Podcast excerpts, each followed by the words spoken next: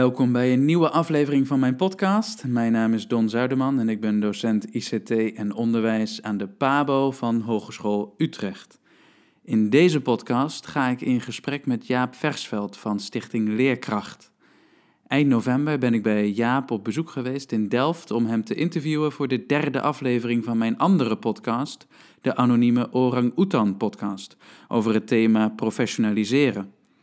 Eigenlijk was ik van plan om een kort item met Jaap op te nemen, zo rond de 10 minuutjes. Echter, het gesprek met Jaap was zo interessant dat ik het eigenlijk zonde vond om de microfoon uit te zetten. In de derde aflevering van de anonieme Orang Oetan podcast is een korte versie van ons gesprek te beluisteren, maar hier, nu, volgt mijn hele interview met Jaap Versveld. Ehm, je bent de initiatiefnemer van Stichting Leerkracht. Misschien kun je als eerste ehm, uitleggen wat dat is, die stichting? Ehm, de stichting is een initiatief en de stichting doet er eigenlijk helemaal niet toe. De stichting is, die hebben we later pas gevormd toen mensen tegen ons zeiden van... Uh, je moet een stichting worden. Je bestaat helemaal niet. En uh, toen, toen, toen, hebben we gevraagd, ja maar hoezo niet? Ja, je hebt geen website en uh, je, je, bestaat Maar wat is dan het initiatief? Het initiatief is eigenlijk heel simpel. En dat is dat wij... Waarom ik in 2012 begonnen ben, is als vader... Uh, ik heb een viertal zonen, drie van mezelf en een soort aanwijkind. En die hebben mij tien jaar lang verhalen verteld over het onderwijs. Oh, en dat ging altijd over leraren. En wat vertelden ze dan? Nou, over, over geweldige lessen, geweldige leraren, maar ook over minder goede lessen, minder goede. Dus op de middelbare school of zo? Nou, dat begon op de basisschool, dat ging door op de middelbare school. En op de middelbare school dacht ik van, nou, nou ja, het zal wel. Uh, pubers, aanstellers. Hè? Gewoon uh, harder werken, je best doen en het komt wel goed. Maar het kwam niet goed. En toen werd het jongvolwassenen en toen ging ik doorvragen. En toen zei ik van, uh, maar wat je vertelt is wel gek. Hè? Die enorme variatie. En zie je dan wel eens leraren in de klas? Zie je wel eens schoolleiders in de klas? En het antwoord was nee. En toen dacht ik van, nou wat gek. Je bedoelt mensen die extra in die klas komen kijken? Ja, ja gewoon bij elkaar. En het antwoord was nee. En dacht ik van, nou dat is wel heel vreemd. Hè? En ik vroeg ook van, worden jullie wel eens betrokken bij bij het vragen ze wel eens feedback over de lessen en hoe het beter kan. En, en, komen ze daarop terug? En het antwoord was ook nee. En toen dacht ik, nou, dat vind ik nou heel vreemd. Want hoe, hoe worden leraren dan beter? Nou, daar heb ik niks mee gedaan. Totdat mijn vrouw naar de Pabo ging. En dat was niet jouw Pabo, Don, dus uh, maak je geen zorgen. Die, uh, maar dat was een Pabo die. Uh, waar, toen kon ik eigenlijk voor het eerst door de ogen van een volwassene kijken. En ik zag weer geweldige leraren en ik zag ook leraren die nou, minder goed deden. Om het maar zwakjes uit te drukken. Waarbij de helft van de klas de krant zat te lezen, gedwongen aanwezig. En wederom nooit een teamleider aanwezig, nooit een collega aanwezig. En toen heb ik tegen mijn vrouw, mijn vrouw heet Erna, gezegd van zullen we die pabo's helpen beter te worden? Nou, zo gezegd, zo gedaan. We hebben, en toen vroeg ze hoe. Toen hebben we een enquête opgezet onder deelnemende studenten. Dus die heeft zij onder haar klasgenoten, zeg maar, ja. verspreid. Er waren er een stuk of 30, 40. En die gingen niet over de toiletten, die gingen niet over de receptie, die gingen niet over die prachtige gebouwen, hè, want er was echt uh, een paar miljoen stuk geslagen op gebouwen daar. Die gingen over de leraren. En daar kwam echt een haarfijn beeld uit van wie het geweldig deed en wie nog beter kon. En dat heeft zij gedeeld met de teamleider. En die zei: uh, Wij herkennen ons totaal niet in het beeld.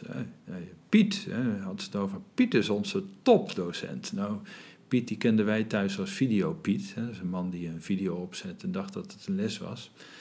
Dus Erna door naar de naast hogere persoon, weer geen, uh, ja, geen klik. En toen ging ze naar een bestuurder. En toen vroeg ze van, Jaap, ik vind het een beetje eng, dat is een man in een pak, kan je meekomen? En ze dacht, je zit nou, nu heel hoog in de, in de hiërarchie van de hogeschool. Ja, want dat, dat ja. was iemand die, eh, die had geloof ik vijf, zes PABO-afdelingen, locaties onder zich. En dat vond ze eng. En toen zei ik, nou, ik ga wel mee. En toen kwam ik daar binnen en daar werd ik uh, voorgesteld aan die bestuurder. En daar zat iemand anders naast. En uh, vond ik leuk om te leren kennen. En toen vroeg ik hem, wie bent u? En toen zei hij, ik, ik ben de advocaat. En dat was het moment dat Stichting Leerkracht geboren is.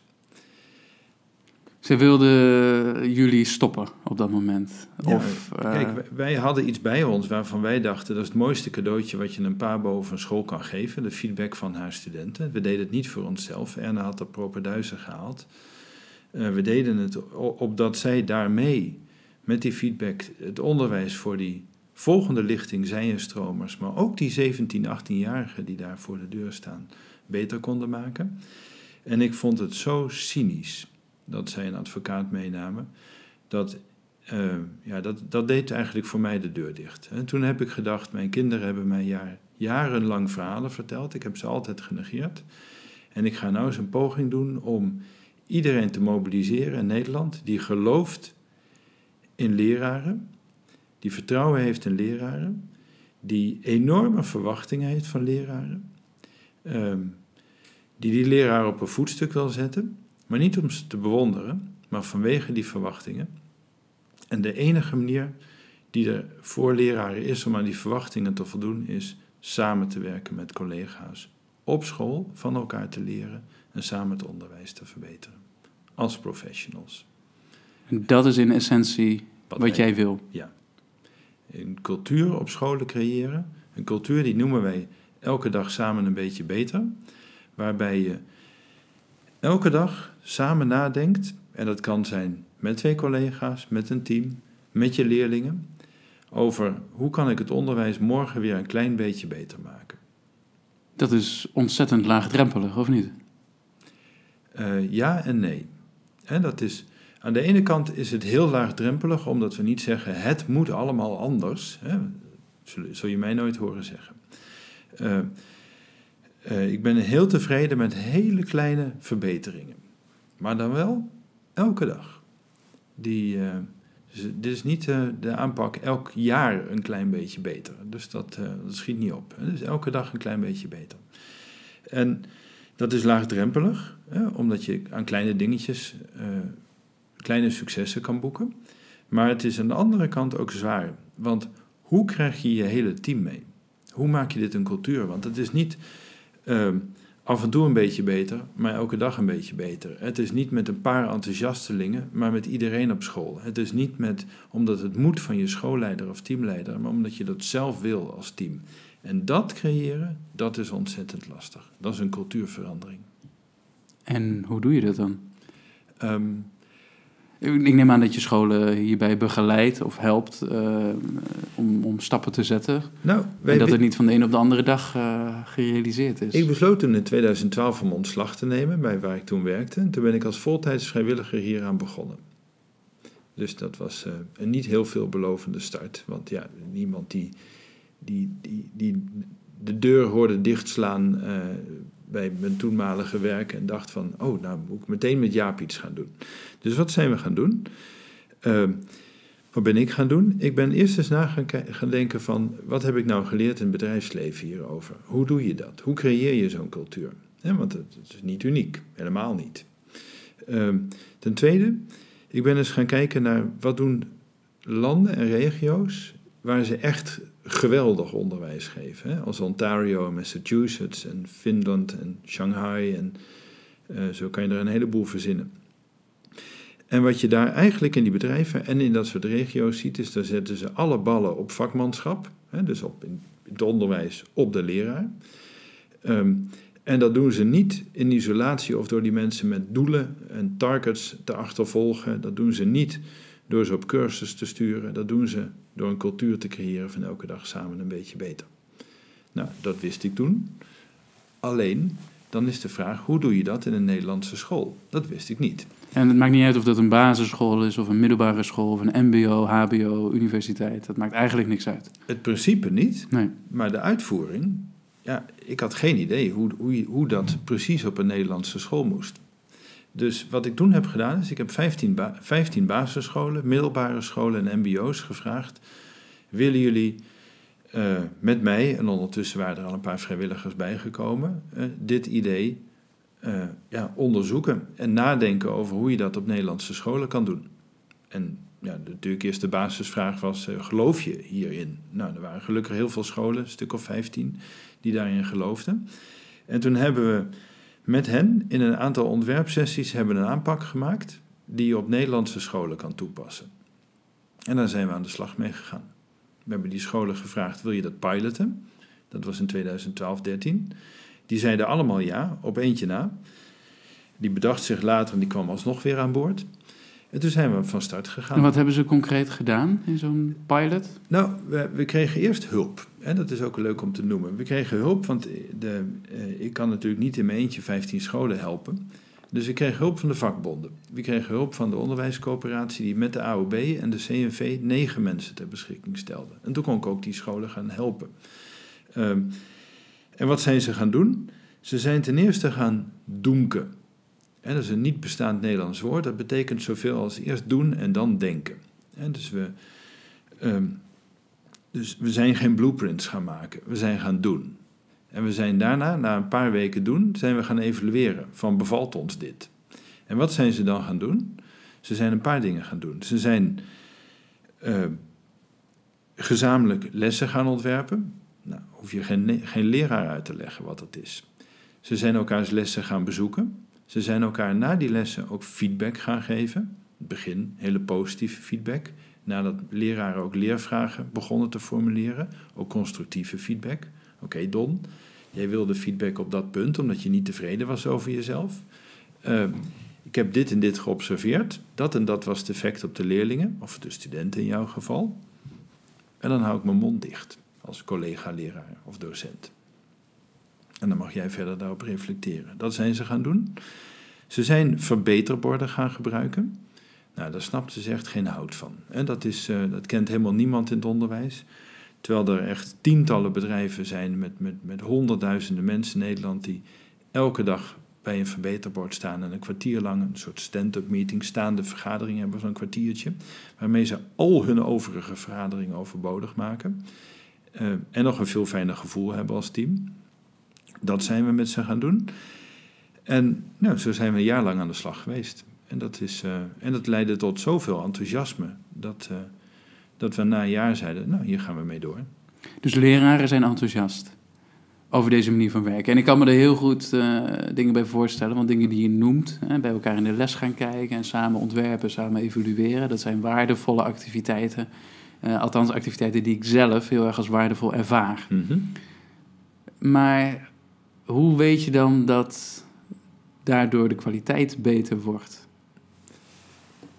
De, nou, nog even over die activiteiten. Mm -hmm. er, er, wordt wel eens van gezegd: het is common sense applied with discipline. He, dus gewoon al die dingen die zijn geen rocket science. Dat, het is geen leraar die zegt: Nou, wat jij nu noemt, Jaap, heb ik nog nooit van gehoord. Het is alleen: doe je ze af en toe of doe je ze elke week? Doe je ze met een paar enthousiastelingen op school of met iedereen? En toen we begonnen, toen heb ik me ook afgevraagd: moeten we gaan meten? Hmm. Moeten we nou gaan meten of het onderwijs hiervan beter wordt? Nou, die tijd ook kennis gemaakt met René uh, Knijber en met Jelmer Evers. En uh, uh, heel veel mensen om hulp en advies gevraagd. En het bleek al snel dat het woord meten niet helemaal aan zou gaan slaan. En toen hebben we ook gezegd, dat laten we. Dat doen we niet. We gaan gewoon vragen aan leraren uh, wat ze daarvan vinden. We gaan kijken van, naar leraren, wat ze ermee doen. We gaan vragen aan schoolleiders en teamleiders wat ze daarvan vinden, wat ze ermee doen. En aan het eind van het jaar hebben we hen gevraagd van, nou ja, wat wil je hiermee? Wil je hiermee verder? En gun je dat ook aan andere scholen? En toen waren ze zo enthousiast dat uh, op onze eerste meting, meting, maar dat was dan niet zozeer meting in de klas of meting van schoolresultaten, maar meer meting van wat vonden de deelnemers daarvan op die 15 scholen, die paar honderd leraren. Die waren zo enthousiast uh, als de gebruikers van de eerste iPhone. Die, uh, dat was zeg maar een niveau van enthousiasme waar, wat, in de buurt komt van viral gaan. En dat hebben we daarna ook gewoon gezien. En dat is, uh, daarna is het gaan groeien. We geven helemaal geen geld uit aan marketing of wat dan ook. Je zult ons nooit reclame zien maken. Het is gaan groeien door word of mouth. Het is gaan groeien doordat leraren aan andere leraren, schoolleiders aan andere schoolleiders uh, op, op verjaardagsfeestjes of andere gelegenheden zijn gaan vertellen wat ze meemaakten. Dat ze er zelf beter van werden, dat hun leerlingen er beter van werden. En bijvoorbeeld in Rotterdam hadden we het eerste jaar drie scholen, het tweede jaar 18, het derde jaar 40, het vierde jaar 80 en nu meer dan 100. Dat is meer dan de helft van alle scholen in Rotterdam. Doet mee. En wat is jullie rol dan nu nog? Want je beschrijft een, een manier van werken of een, Ja. een, een, een, ehm, ja, een aanpak die een school kan gaan uitvoeren, maar daar zijn jullie in feite verder niet voor nodig. De, die aanpak, die, wat, wat ik net beschreef, die dingen die je doet, ehm, die doen leraren en teamleiders, schoolleiders zelf. Ja. Het creëren van een cultuur waarin je dat gaat doen, dat helpen wij mee. Dat doen we twee jaar lang. In het begin dacht ik dat een half jaar of een jaar voldoende zou zijn. Dat bleek niet, niet Want dat gaat niet vanzelf, blijkbaar. Nee, dat gaat absoluut niet vanzelf. Want waar loop je dan tegenaan? Die, nou, denk eens aan een school of een situatie waarin het niet gebruikelijk is dat collega's zomaar bij jou binnenkomen lopen en jou feedback gaan geven. Hè, daar zit angst. Eh, je moet vertrouwen opbouwen eh, in elkaar. Dat, dat, dat als een collega bij jou binnenkomt, dat hij dat met de beste intenties doet. Dat als jij feedback gaat vragen aan studenten of leerlingen, dat zij jou niet gaan afbranden, maar jou, dat, ze jou gaan helpen. Ja, constructieve feedback. constructieve feedback. Die studenten en die leerlingen die moeten ook het vertrouwen in jou krijgen dat zij op hun beurt niet afgerekend worden op de dingen die ze tegen jou zeggen. Ze moeten ook vertrouwen in jou krijgen dat je er ook wat mee gaat doen. Want anders stoppen ze er gewoon mee. Eh, je moet ook gaan ervaren dat als jij zo'n stand-up meeting doet van een kwartiertje en daardoor je saaie vergaderingen van een uur of twee uur met de sectie of met de groep of wat dan ook, dat je die daarmee kan overbodig maken. Je moet gaan ervaren dat jij successen gaat boeken hiermee in de klas. En pas als je dat allemaal. En, en jouw schoolleider of teamleider, die moet gaan veranderen in gedrag. Ik ken hem of haar niet, maar ik weet één ding zeker. Elke schoolleider of elke teamleider op een school die met leerkracht meedoet, verandert. Eh, en als hij niet spontaan verandert, dan zullen zijn leraren hem gaan of haar gaan helpen om te veranderen. En wat, wat zijn dan precies de dingen die jullie faciliteren dan? Ehm, wat wij doen, is wij helpen scholen ten eerste heel bewust om samen het besluit te nemen om hiermee aan de slag te gaan. Dus als een school mee wil doen, zoals bijvoorbeeld die Rotterdamse scholen waar ik het net over had, dan zeggen we ten eerste: ga maar op een school kijken die het al doet. Dus je komt niet eens bij ons binnen als je niet al eerst hebt gekeken op een bestaande school. Zodat je echt weet wat je doet. En je komt ook niet binnen als je dat in je eentje doet, als, als leraar hè, of als teamleider of als schoolleider. Je moet dat samen met elkaar doen. Je moet ook bereid zijn om eigen coachcapaciteit vrij te maken. Dus je- je komt ook niet binnen als je dus niet een leraar, een docent, een corrector of hoe het beestje ook heet bij jou op school, anderhalve dag per, week vrijmaakt, een jaar lang, om hiermee aan de slag te gaan. En als je dat allemaal hebt gedaan, dus je met heel veel draagvlak het besluit hebt genomen, wij zijn echt van plan om de cultuur bij ons op school te gaan veranderen, dan kunnen we aan de slag. En wat we dan doen, is dan helpen we je met een programma waar, dat begint met een bootcamp, waarin je vervolgens in golven aan de slag gaat op je eigen school, maar ondertussen ook met scholen in de regio samenkomt en van successen deelt, ervaringen eh, deelt en samen over je problemen die je hebt, die je allemaal hebt met het veranderen van die cultuur, nadenkt. Is dit volgens jou de essentie van professionaliseren voor leraren? Als ik iets beters had kunnen bedenken, dan was ik dat gaan doen. Soms vragen mensen, zeggen mensen wel tegen je bent wel heel erg overtuigd dat dit het antwoord is. Van, en dan ga ik altijd weer terug naar het begin. Ik was in 2012 vrij als een vogel. Als ik had geloofd dat een boekje schrijven over wat leraren zouden moeten gaan doen de oplossing was geweest, had ik dat gedaan. Als ik had geloofd dat er een wet had moeten komen waarin staat van wat leraren moeten doen, had ik dat gedaan. Als ik had geloofd dat er een meting zou moeten komen om leraren te verleiden of te dwingen om dit te doen, had ik dat gedaan. Die, uh, ik geloof dat de enige manier om te professionaliseren op school is leraren ermee te laten starten, zelf te laten reflecteren op hoe het gaat zelf de vorm die zij daaraan geven, vorm te geven, zelf te bedenken van hoe het voor hen moet werken. Ehm, met betrokkenheid ook van teamleiders en schoolleiders en in een vast ritme. Als je geen ritme hierin verwerkt, dan wordt het helemaal niks. En bijvoorbeeld, ik zal, ik zal een voorbeeld geven van hoe het absoluut niet werkt. dus ik, ik, ik, heb een vriend die geeft uh, uh, wiskunde op een uh, HAVO-VWO. En ik zei, mag ik eens een hele dag lang een HAVO-klas volgen? Dus ik heb de hele dag HAVO 4C gevolgd. Ik heb allemaal verschillende lessen meegemaakt. De leerlingen bleven constant. De eerste les was een leraar Duits en die, die gebruikte mij gewoon als object in de klas om zijn leerlingen vier, vijf nieuwe woorden uh, uit te leggen. Die man was zo comfortabel. Ik heb daarna een les scheikunde meegemaakt, fantastisch. Ik heb vervolgens een les wiskunde meegemaakt. Drama. Die man die heeft 250 keer st gezegd. En met armgebaren erbij, zonder armgebaren. Met een rood hoofd, met een gewoon hoofd, met, met, met, met stemverheffing en zonder stemverheffing. En het lukte hem niet. Als die man in de pauze bij zijn collega's komt en zou zeggen: Ik had HAVO 4C vanochtend, het was weer een drama. Dan kunnen zijn collega's met recht zeggen: Nou, ik weet niet waar je het over hebt. Ik had ze ook, het ging prima. En wat, wat is het effect op die man? Nou, dat is de laatste keer dat hij het erover heeft gehad. Toen kwam ik bij de schoolleider en uh, ik vertelde een beetje wat ik van plan was te gaan doen en wat ik had, een beetje wat ik had gezien, zonder iets te vertellen over die leraren individueel. En toen zei hij: Oh, dat is interessant, maar dat doen we al. Ik zei: Oh, dat is fantastisch. Ik dacht van. Ik kan, ik kan hier leren op deze school. Ik heb het niet mee, ik heb het niet gezien. Het effect heb ik weliswaar niet gezien in de, in de lessen. Maar het zou zomaar kunnen dat ze het hier echt doen. Um, en toen zei hij: Wij doen aan een intervisie.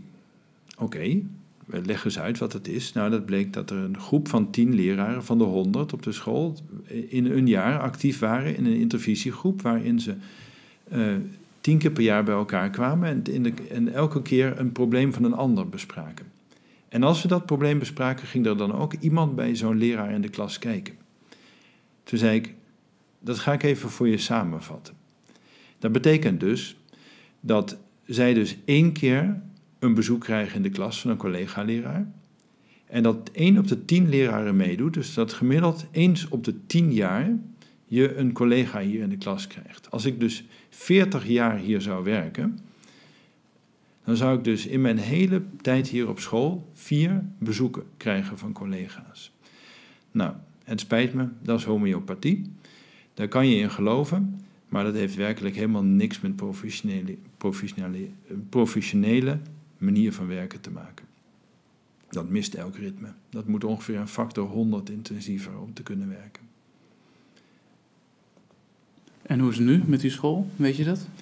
Die doet in ieder geval niet mee. Het gesprek zal niet geholpen hebben. Dat is, uh, gelukkig doen dat twintig andere middelbare scholen in, in, eh, in Den Haag wel mee. Dus dat, uh, dat is wel goed gekomen. Ja. ja. Het is een prachtig initiatief. En het zijn nou, ik herken me heel erg in, uh, in, in, de middelen die je zegt. Ik bedoel, je zegt terecht van als ik iets beters zou weten, dan, dan zou ik daarmee zijn begonnen. Maar als ik met collega's praat, zijn dat elke keer de, de, de dingen waarvan we merken dat we, dat we dat één waarderen. En twee, dat dat ons sterker maakt. En dat zijn die momenten dat je samen evalueert, samen ontwerpt, samen. Um, uh, wat, dat vind ik heerlijk om bij een collega in het hoorcollege te zitten. Ja. Uh, en te kijken wat hij allemaal doet. En, en, en uh, er is wel iets daarvan te leren. Wat wij geleerd hebben, wat ik niet bedacht had. Hè, wat ik er zijn, zijn honderden dingen die we geleerd hebben van het werken op scholen. Hè, de, die anders moet zijn op het MBO dan op het basisonderwijs.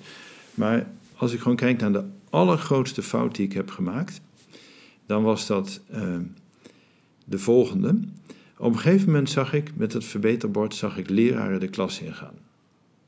En elke keer als een school aan het afwijken is, of als een lerarenteam aan het afwijken is van hoe wij met de voorgaande lichting bedacht hebben hoe het nog beter zou kunnen, dan gaan we heel goed opletten. Wat zijn ze aan het doen? Zijn ze hier de kantjes er vanaf aan het lopen en moeten we ze wat helpen? Of uh, zijn ze iets slimmers aan het bedenken? Dus wat ik zag is, ik zag leraren de, de, de klas ingaan met het verbeterbord. En wat gingen ze doen? Ze gingen met hun leerlingen doelen stellen. Ze gingen met hun leerlingen verbeteracties bedenken. En die gingen ze op een dagelijks en wekelijkse ritme gingen ze evalueren. Van zijn we die doelen aan het halen? En bijvoorbeeld kunnen we het persoonlijk voornaamwoord herkennen?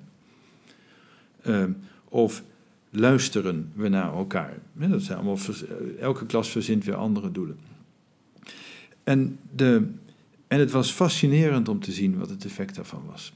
De, eh, het effect was namelijk hetzelfde op de klas als leerkracht, wat we eerder hadden bedacht, als effect heeft op leraren. Het leidde tot een veel grotere betrokkenheid, meer eigenaarschap en makkelijker je doelen realiseren. Dus die leerlingen, die, uh, die zeiden van, uh, we vinden het heerlijk om mee te denken over dit soort dingen. En ik heb nog wel eens de fout gemaakt om tegen op een basisschool te zeggen: van ja, dat, uh, dat kan natuurlijk alleen maar vanaf een jaar of acht, negen, want daaronder hebben ze het conceptueel vermogen niet. Dat zei ik tegen een paar kleuterjuffen. En nou, die hebben toen tegen mij gezegd: Jaap, je weet echt, echt niet waar je het over hebt. Wij gaan jou laten zien dat ook kleuters kunnen helpen met doelen stellen en verbeteracties bedenken en feedback geven aan hun, uh, aan hun kleuterjuffen. En dat heb je toen ervaren? Dat heb ik toen ervaren. Ik heb uitleg gekregen door kleuters over hun verbeterbord. Ja, er stonden geen cijfers op.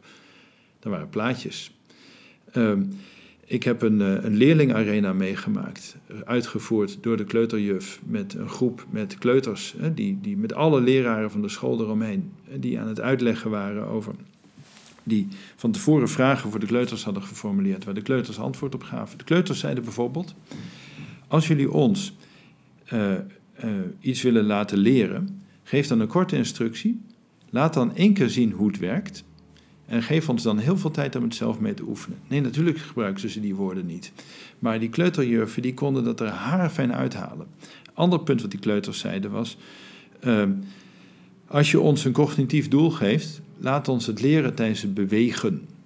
Nee, natuurlijk zeiden die kleuters dat niet op die manier. En, maar die kleuterjuffen die haalden dat er haarfijn uit. Dus ik ben daar uh, met pek en veren uh, de school, nou ik ben die school niet uitgejaagd. Ik heb, ik heb ongelooflijk veel geleerd. En dat, dat doen we gewoon constant. Van, uh, van wat we leraren zien doen en hoe we het zelf zien vormgeven. Hoe, ga je nu, hoe, hoe wil je nu verder de komende vijf jaar? Ik wil uh, zo ver gaan dat dit een beweging is die niet meer te stoppen is. Binnen Nederland, binnen Europa? Binnen Nederland. Daarna zie ik wel verder. Nederland heeft 250.000 leraren, heeft 1100 besturen, uh, heeft enorm veel autonomie. Hè, dus dit is al lastig genoeg. Hè, bijvoorbeeld, we merken dat toen we in Rotterdam groeiden van 3 naar 18 naar 40 naar 80 naar meer dan 100 scholen, groeiden we in Limburg van 0 naar 0 naar 0. En dus het steekt niet over van de ene provincie naar de andere. Toen we in Groningen begonnen, toen was uh, Angel van der Star, dat was bij ons een, uh, een coach, en die komt van de AOB. Die zei op een gegeven moment tegen mij: Ik ben ook schoolleider in Groningen. Ik, ik, ik, wil, ik, ik gun het mijn collega's en, en, en de leraren en de leerlingen hier. Mag ik hier ook beginnen? Nou, prima. Dus die is begonnen. Eerste jaar vijf scholen, toen tien, nu, nu, nu twintig of zo. Ondertussen in Drenthe 0, 0, 0. En dat, het steekt de hondsrug niet over. En dat is een, uh, de grens tussen Drenthe hmm. en Groningen. Dus de, en dat, dat komt omdat je moet het, je kan ook dit verhaal, uh, misschien vinden mensen het leuk om te horen, misschien niet. Hè, maar de manier om hiermee aan de slag te gaan, is het gewoon met je eigen ogen te zien en te horen van leraren en schoolleiders die het zelf hebben meegemaakt. En leerlingen. En hun leerlingen. Dankjewel. En daarmee kom ik aan het einde van mijn interview met Jaap. Als je dit een interessante podcast vond, deel hem dan weer met anderen. En als je vragen of opmerkingen hebt, neem dan gerust contact met me op via donzuiderman, gmail.com of via Twitter, dat is apenstaart Don Zuiderman. Heel erg bedankt voor het luisteren en tot de volgende keer.